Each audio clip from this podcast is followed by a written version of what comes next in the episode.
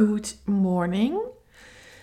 Althans, ik ben aan het inspreken in de ochtend. Ehm, nadat ik drie keer een blog begonnen was en dacht: Jezus, Wen, je hebt helemaal geen energie om te bloggen. Ehm, ik heb een iets te sociaal, te sociaal weekend gehad. Uh, mijn stem zal ook af en toe haperen. Want ik heb uh, zondag, volgens mij was het zondag, de deelnemers van de Europa Run aangemoedigd. En ehm, dat, dat soort dingen trekt mijn stem niet helemaal. Uh, um, maar dat was super gezellig. We hebben twee verjaardagen gehad. En het was natuurlijk mooi weer. Dus ik ben iets te veel onder de mensen geweest voor, voor wat ik zelf fijn vind. Um, dus ik dacht, ik ga gewoon lekker rustig beginnen met een blog. Maar ik weet ook donders goed.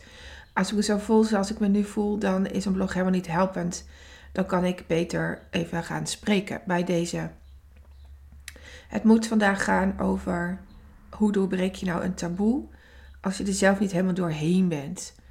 Um, hoe, hoe doorbreek je een taboe als je um, niet helemaal je eigen pijn wilt delen? Ik ben sowieso geen voorstander van 100% je eigen pijn delen. Um, dat zal ik zo even uitleggen. Eerst voor de nieuwe volgers van mij, namelijk een bak met nieuwe volgers. Daar ben ik trots op en ik wil zuinig zijn op jullie. Um, ik denk dat het heel helpend is als je mijn podcast vanaf nummer 1 gaat luisteren. Um, maar als je deze podcast, als je deze aflevering los luistert. Ik heb jarenlang mijn uh, proces gedeeld over rouw. En daarmee ben ik begonnen op uh, Twitter. Ik heb op uh, 8-8-2011 een Twitter-account geopend. Dat was op de dag van de crematie van ons zoontje. En uh, ik dacht van ja, zoveel mensen vragen aan ons hoe het gaat. We gaan binnenkort weer zelf boodschappen doen. Dan moet ik al die vragen beantwoorden. Mensen zijn super geïnteresseerd, maar ook ramptoerist. Um, uh, ze willen ook graag iets te delen hebben over ons. En um, vragen worden ook gesteld om het voor jezelf goed te doen. Dus, uh, en niet, voor, niet per se alleen voor ons. Uh, mensen willen graag gerustgesteld worden, dat willen ze horen. En als het kut gaat, weten ze niet hoe te reageren. Dus ik dacht, hoe kan ik dat nou ondervangen? Um, ik ben dus uh, na de crematie direct een Twitter-account begonnen, zodat ik niet hele blogs al bij moest houden. Dat wilde ik niet. Daar ben ik later overigens wel mee begonnen. Dat is mijn boek geworden. Um, uh, die kan je overigens nog bestellen. Doe me dan gewoon eventjes een DM. Um, en um, ik vond het gewoon fijn om in korte tekens aan te geven wat ik deed. En hoe wij ermee omgingen. Dat is precies mijn antwoord op de vraag: hoe doorbreek je een taboe als je niet je eigen pijn wilt delen? Deel hoe je ermee omgaat. Dat is, stiekem is dat het enige antwoord. Um, kom ik direct op. uh, waarom ik vind dat je niet je eigen pijn online moet zetten. Um, als ik had gedeeld dat ik uh, veel huilde onder de douche en hoe erg dat was en hoe ik uh, heb geschreeuwd, um, um, dan had ik reacties gehad als: Oh, het erg voor je. Ja, het is ook allemaal echt zo erg. Um, en ja, ik snap je, terwijl mensen het niet was overkomen die dan mij vertellen dat ze mij snappen. Um, je kan iemand niet snappen. Je kan iemand niet snappen.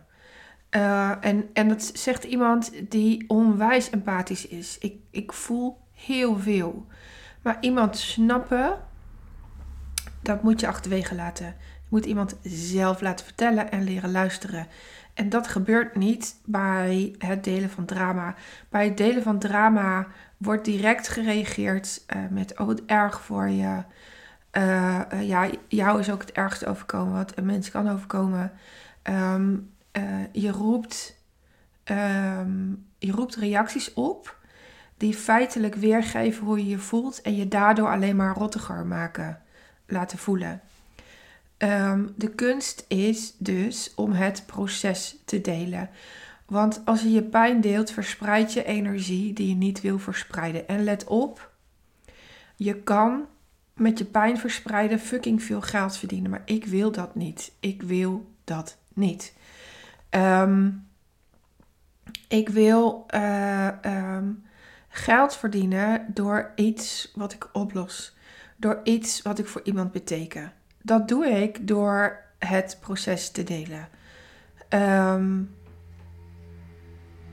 uh, um, ik kan me nog een Twitterbericht herinneren van um, mijn mededeling hoe ik, dus ik deelde de hoe, het proces van de hoe, ik informatie bij de jongens uh, lospeuterde. Ik neem even een slokje koffie hoor. Oh, dit is mijn eerste kopje koffie. Het is tien uur. Ik moet er nog net niet van trillen, jongens. Um, um, hoe ik informatie bij ze los probeerde te peuteren um, over hoe ze zich voelden. Um, wat ik elke avond daarom deed, dat was ook, dit was het Twitterbericht. Ik heb zo'n zo'n draadje, heet dat, gemaakt. Als je mij nu wil gaan volgen op Twitter, dat kan. Ik ben daar niet veel aan het delen. Dit is een tweede account van mij. Uh, mijn oude account van toen heb ik van de een op de andere dag gewist. Ik was er zo klaar mee. Um, uh, en um, het volgende draadje uh, was, het volgende Twitterbericht was dan in dat draadje. Dit is wat ik vroeg. Ik liet ze dus de hele dag spelen. Um, want ze waren 6 en 8. En het was ook de bedoeling dat ze speelden. Dat is de kracht van een kind. Kinderen zijn super veerkrachtig. Daar mag je als volwassene echt iets van leren. Um, uh, en kinderen mogen van volwassenen leren om even stil te staan bij. En dat is wat ik toepaste. Dus ik vroeg ze s'avonds, uh, wat was het minst leuke van de dag? En dan kwam heel vaak uh, Lennart te sprake, maar ook een lekker voetbal. Of een leerkracht met wie het niet even lekker liep. Of nou, de gekste dingen kwamen voorbij. Soms dat een oog van een knuffelbeer eraf was. Weet je dat? En wij eindigden altijd bewust met: wat was het meest leuke van vandaag? En dat vierden we dan. Dat vierden we dan. En um, met dat soort kleine gesprekjes delen. Heb ik heel veel aanzien op Twitter uh, opgewekt. Dat ging dus per ongeluk. Ik ben altijd bezig met hoe ik kan je iets uit de hand laten lopen. Nou, dat, dit was er zo één. Ik deelde nooit de antwoorden die de jongens hadden gegeven. Nooit. Ik deelde wel eens van, goh, vandaag kwam dan het verdriet van Lennart kwam bij, maar nooit de wat. Dat is privacy. Dat is privacy. Um, uh, um, ook de leuke antwoorden uh, deelde ik niet, maar wel dat we dan vandaag iets hadden gevierd, zoiets. En um, ik heb in het begin wel mijn uh, eigen pijn gedeeld, maar omdat ik al snel door had dat, dat het alleen maar feitelijke informatie bij de ander opriep en er geen ontwikkeling plaatsvond, dacht ik, weet je, daar stop ik mee, want ik voel me alleen maar ellendiger. Um, ik heb ook gedeeld toen dat ik gestoord werd. Oh, ik was er zo boos om, jongens. Kijk, weet je, je als, je, als jij uh, mij tegenkomt, dan, dan heb je behoefte om iets te zeggen. Maar wat niemand snapt, is dat meer mensen diezelfde behoefte hebben. Dus als jij mij een vraag stelde, dan was de kans groot dat tien mensen voor jou dezelfde vraag al hadden gesteld. Dus de, de, de elfde die ik tegenkwam, kreeg vaak een botte antwoord van mij. Dat was niet helemaal eerlijk. Maar goed, het leven is niet eerlijk. Um, uh, dus uh, uh, op een gegeven moment dacht ik, ja, hoe kan ik dit nou ondervangen? Hoe kan ik er nou voor zorgen? En dit doe ik met alles, ja, nog steeds. Alle verandering maak jij, niet de ander. Hoe kan ik er nou voor zorgen dat ik dit soort vragen niet meer krijg? Dus toen ben ik uh, begonnen met King Louis jurkjes dragen. Dit, dit is de befaamde King Louis jurkjes tijd voor mij. Die zitten ook gewoon zo goddelijk lekker, die dingen. Um, met kleur, met bloemen, met um, prins. Uh, en toen zeiden mensen plotseling, het gaat goed met je, hè? Wauw, wat zie je er mooi uit. Ik voelde me niet zo, jongens. Maar de grap is dat het wel hielp Want ik kon me daaraan optrekken. Ik kon zo heel langzaam op mijn tempo uit mijn rouwproces komen en, me daaraan optrekken. Ehm, eh, eh, dit is op basis van het proces. Het is gewoon kijken, luisteren ehm, naar wat wordt gedaan, wat tegen je wordt gezegd. En, ehm, en, en dan daar zelf wel iets mee doen. ik kom niet voor niks tot deze podcast. Mijn klanten zijn taboe doorbrekers. En uh, voelen dat de drama niet hun weg is. Dus de diepe, diepe pijn. Ze voelen dat er een andere manier is om een taboe te doorbreken. En een taboe doorbreken is niks anders dan over iets gaan lullen. Ehm, eh, zodat anderen ehm, eh, je beter kunnen snappen. Beter begrijpen hoe het proces is. En over het algemeen ehm, wordt gezegd over mijn onderwerp, het verlies van een kind dat over rouw nog steeds een taboe is. Dat is niet waar. Dat is niet waar. Um, um, het, het is maar waar je op focust. Het is maar waar je op focust. Ik focus mij op een fucking gaaf leven leven. En uh, uh, mijn leven zo goed mogelijk um, een legacy op te bouwen.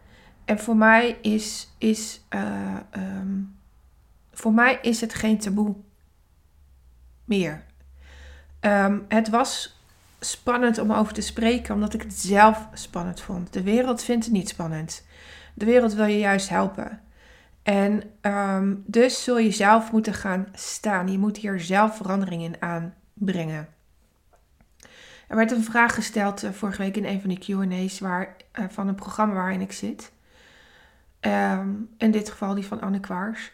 En uh, toen zei iemand: Ik wil uh, graag het taboe doorbreken over een onderwerp. Ik ga niet zeggen wat, het, wat voor onderwerp. Um, uh, um, en ik vind het spannend, want hij is bij mij nog best wel vers. En, maar toch wil ik dat doen. Ik vond alles dat ik dit moet doen. En ik voelde ook aan alles dat ik dit moest doen. En toen zei ik tegen haar: Bel mij even, want ik heb meerdere taboes doorbroken. Um, ik heb gepraat over het verlies van een kind. Ik heb gepraat over het verlies van een baarmoeder. Ik heb gepraat over het verliezen van mijn nier.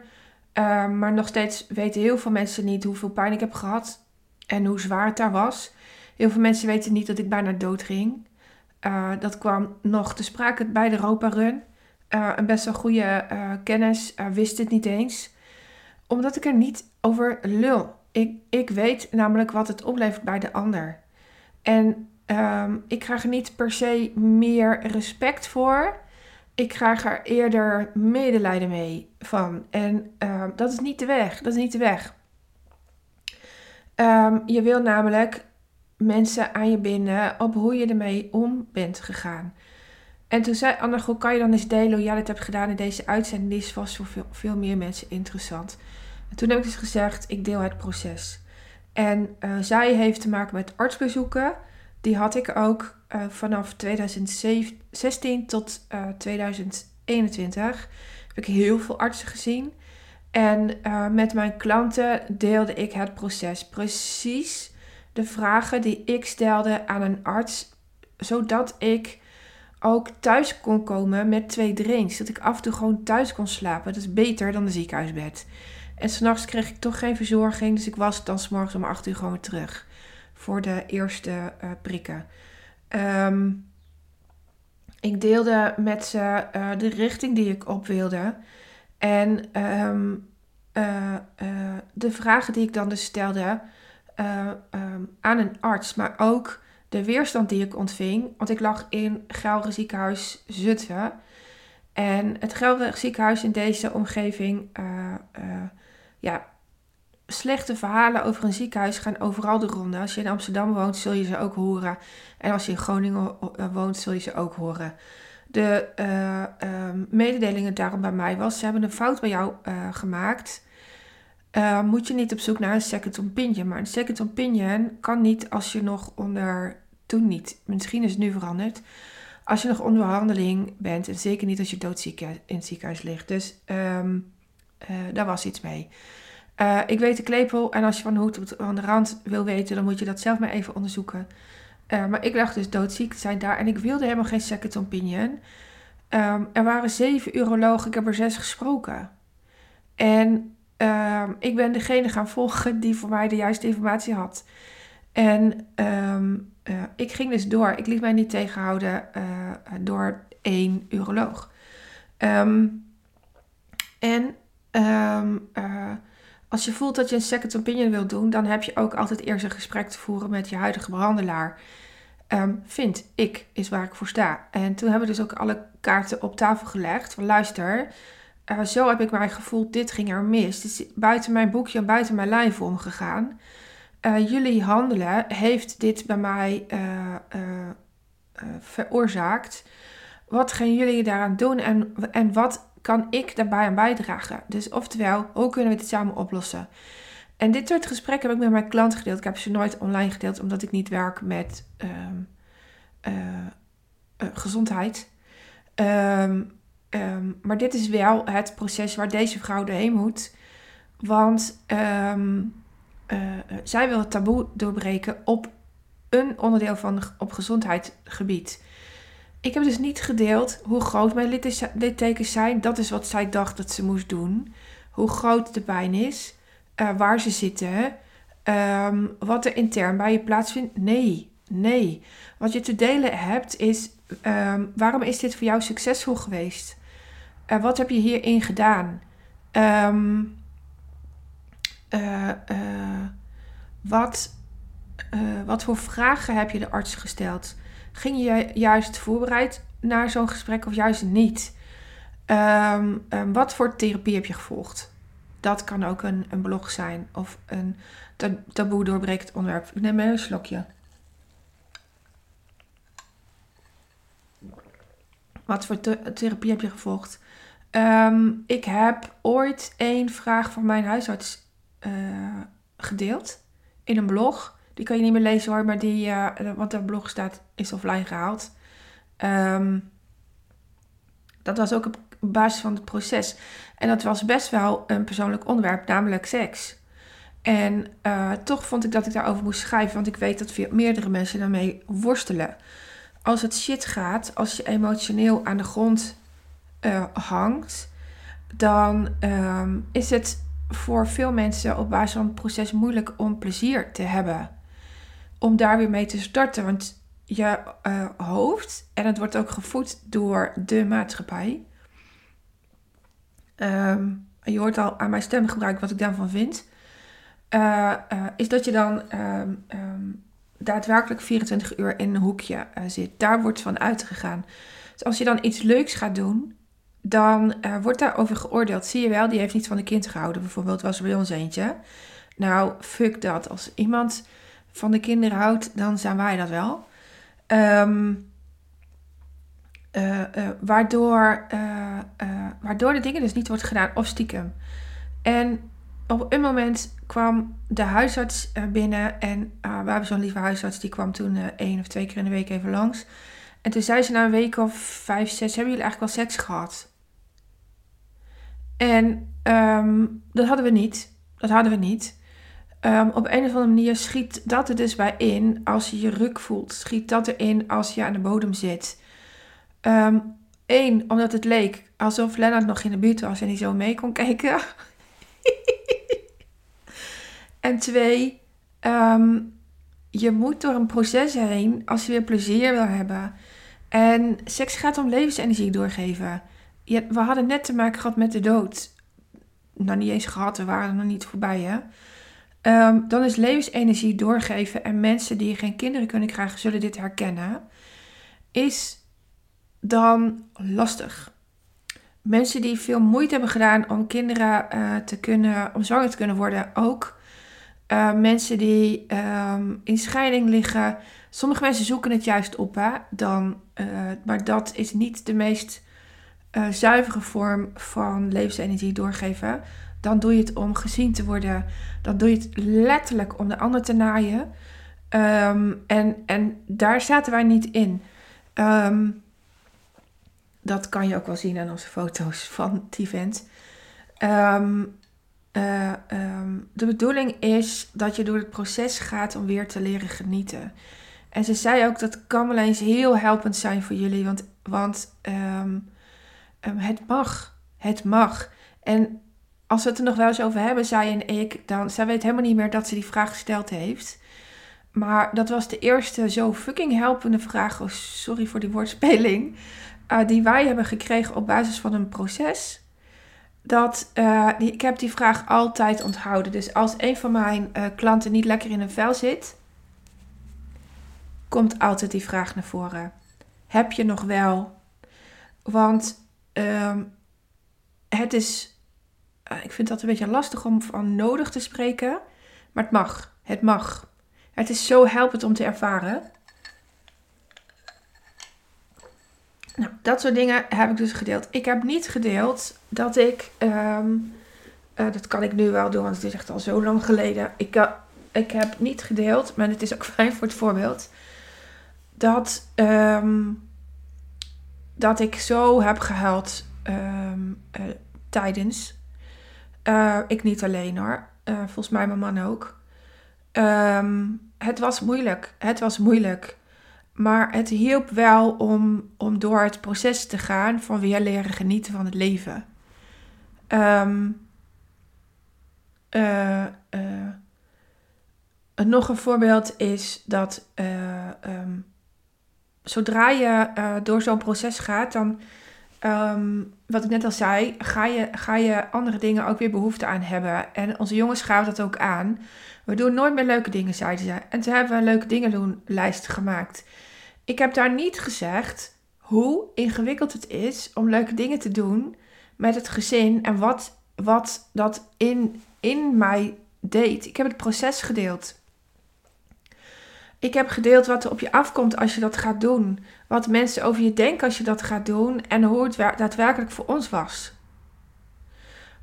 Maar niet dat ik uh, um, uh, met, misschien ook dat wel gedeeld, dat ik met 100% spanning naar de Efteling ging. maar niet dat ik de avond ervoor slecht sliep. Want dat zorgt weer voor de, um, voor de drama. Oh ja, dat snap ik. Oh, het ergens zo knap dat jullie dit doen. Maar wel weer, toen we thuis kwamen, dat ik toen een bericht kreeg op Twitter van een collega ja, collega's uh, lezen mee en die vinden dat jullie nu ook wel kunnen werken. Fuck dat zeg. um, uh, want zo werkt het niet. Zo werkt een rouwproces niet. Want als je thuis komt, word je er weer voor de duizendste keer 100% mee geconfronteerd. Um, neemt niet weg dat ik een maand daarna wel ben gaan integreren. Maar niet omdat zij dat vonden. Omdat ik voelde dat ik er zin in had. Um, um, dus snap jullie een beetje, uh, snap jij een beetje wat ik aan het doen was? Ik wil namelijk met drama geen geld verdienen. Dat gebeurt wel. Mm. Er is iemand die ongelooflijk online aan het zeiken is en fucking veel geld verdient. Dat mag. Ik mag er iets van vinden. Dat, dat laat alleen maar mijn waarde uh, zien mijn, mijn kernwaarden en hoe ik wil handelen. Um, um, ik, ik wil dat niet, punt. Want ik weet wat voor ik energie ik wil verspreiden. That's it. That's it. Um, uh, uh, pharmacy, uh, die verdienen ook veel geld met pharma, met, pharma, met hun medicijnen verspreiden. Um, en, en er zijn mensen die daar gretig gebruik van maken. Ik niet. Ik zal altijd uh, het proces 100% aankijken. En eens nagaan waar heb ik verlies geleden op mijn lijf. Zoals afgelopen weekend. Um, ik moet even anders gaan zitten. Op latte. Zoals de afgelopen weekend. Uh, ik iets te veel sociale bezigheden heb gedaan. En daardoor nu een tikkie moe aan deze podcast ben begonnen. Um, um, ja, als ik dit de hele week door doe dus sociale contacten, de podcast niet, maar sociale contacten, dan heb ik een probleem. Dan heb ik echt een probleem. Um, uh, zijsprong. Ik zit op een. Ik zit met een onderneming waar heel veel mensen heel veel moeite voor moeten doen. En ik ben daar min of meer per ongeluk gekomen. Ik werk niet zoveel en ik heb wel een leuk salaris. En dat komt omdat ik noodgedwongen mijn lijf moet volgen. En het is goddelijk. Het is echt goddelijk. Ik, ik moest er vorige week nog om lachen. Toen dacht ik, hé, hey, wacht. Ik zit, uh, uh, ik zit met vier tot zes uur coach in de week. Um, een droom te doen die voor heel veel vrouwen uh, een illusie lijkt. Het, toch, dat is toch grappig? Elk voordeel heeft zijn nadeel, zegt hij dan, hè? Kruif. Um, en het is ook zo. Elk nadeel heeft ook zijn voordeel. Die was hem.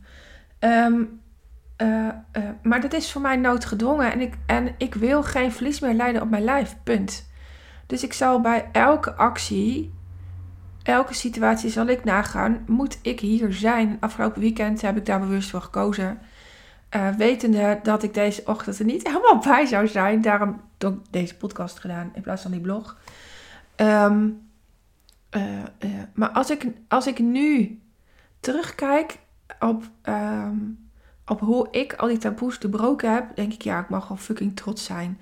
Want ook het verlies van mijn baarmoeder ging exact hetzelfde. Um, als ik hier in mijn omgeving zei dat ik mijn baarmoeder liet verwijderen, um, zei ik niet, ik verlies uh, liters uh, bloed per week Um, en als ik geen menstruatie heb, dan, dan verlies ik vier tot zes slijmproppen per week. En dat ding moet eruit. Nee. Weet je, hartstikke smerig verhaal. Ik wilde het niet delen. Ja, nu voor deze podcast, maar ik ga het niet online zetten. Hou op. Niet in platte tekst in ieder geval. Wat ik deel, dus ik ga mijn baarmoeder uh, eruit halen. Ik heb daar hulp bij nodig voor in, in huis.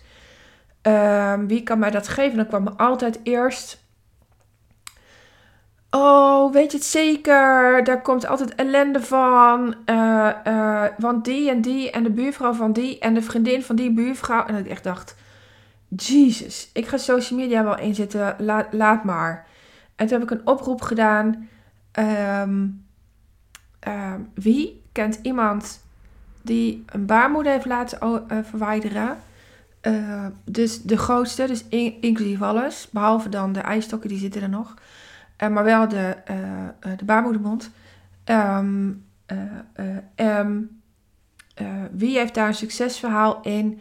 Die persoon wil ik graag spreken. En toen heb ik twee mensen gesproken die een succesverhaal hadden. En ik ging dus heel ontspannen die operatie in. Niet wetende dat mijn lijf zoveel littekenwezen zou aanmaken dat mijn urineleider dicht kwam te zitten. En ik daardoor mijn nier verloor.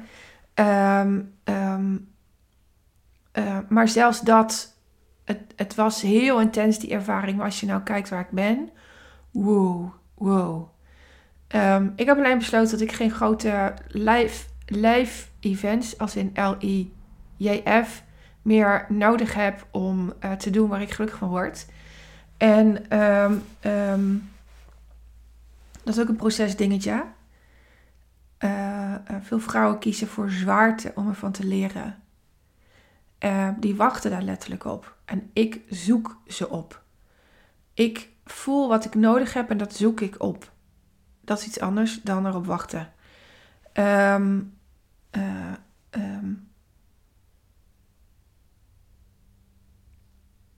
Wat ik ook heb gedaan is, ik heb de tijd serieus genomen. Ik heb de tijd serieus genomen. Als je te diep in het proces zit, als je te diep in, in je eigen shit zit, um, dan, dan moet je niet willen dat je dit taboe doorbreekt. Dan moet je dat niet willen.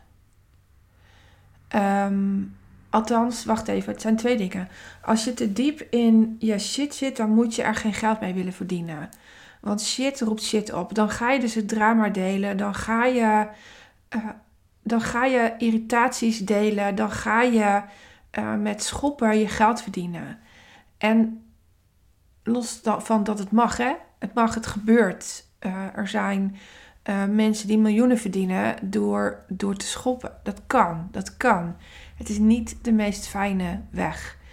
Um, soms denk ik wel eens de makkelijkste weg. Want um, het andersom doen, dus je proces delen, je waarde delen, ehm, is een tikkie moeilijker scoren. Want wij kopen nou eenmaal uh, makkelijker als, uh, als het drama wordt gedeeld. Dat is heel grappig. Ik zie het gewoon gebeuren. Ik zie het gebeuren. Echter, ik wil het niet. Ik wil het niet. Um, kan ik een voorbeeld geven? Nee, dat gaat in tegen mijn waarde. Ik ga het niet doen. Um, uh, fijner voor je is om dan heel even te wachten. Jouw blogs op te schrijven. Um, en ze een paar weken of een paar maanden of een paar jaar later nog eens te lezen.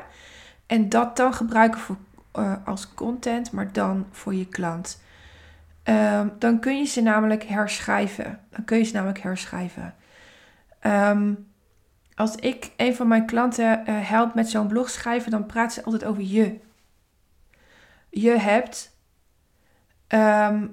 Uh, en, en dan praat ik over persoonlijk blog. Hè? Niet over een procesblog, maar over een persoonlijk blog. Want het is heel helpend om te starten met een eigen ervaring. Dat geeft je bodem om op te bouwen. Dat doet dus aan de no like trust die je klant heel fijn vindt. Um, dan, dan komen ze met je in, het, in een blog. En dan zeg ik altijd, je schrijft van je af. En je schrijft niet over jou. Ehm, je geeft namelijk aan dat het nog een tikje te veel pijn doet. En dat je lastig vindt om het over jezelf te hebben. En dat zit hem heel vaak in dat mijn klanten hun familie geen pijn willen doen. Dat zit hem vaak in, in wat denken ze wel niet over mij. Um, maar die dingen kunnen we eruit halen. Die kunnen we omschrijven. Er zijn oplossingen voor. Ehm, eh, en dan zeg ik altijd: laat de blog nog maar. Voel eventjes of je de blog nu wilt delen. Of dat je hem even wil laten liggen. Zodat je uh, gemakkelijk wordt met het ongemakkelijke gevoel dat je gaat delen. Of kies ervoor om je familie uit je tijdlijn te gooien. Dat mag. Want jouw familie gaat je nooit jouw salaris betalen. Punt.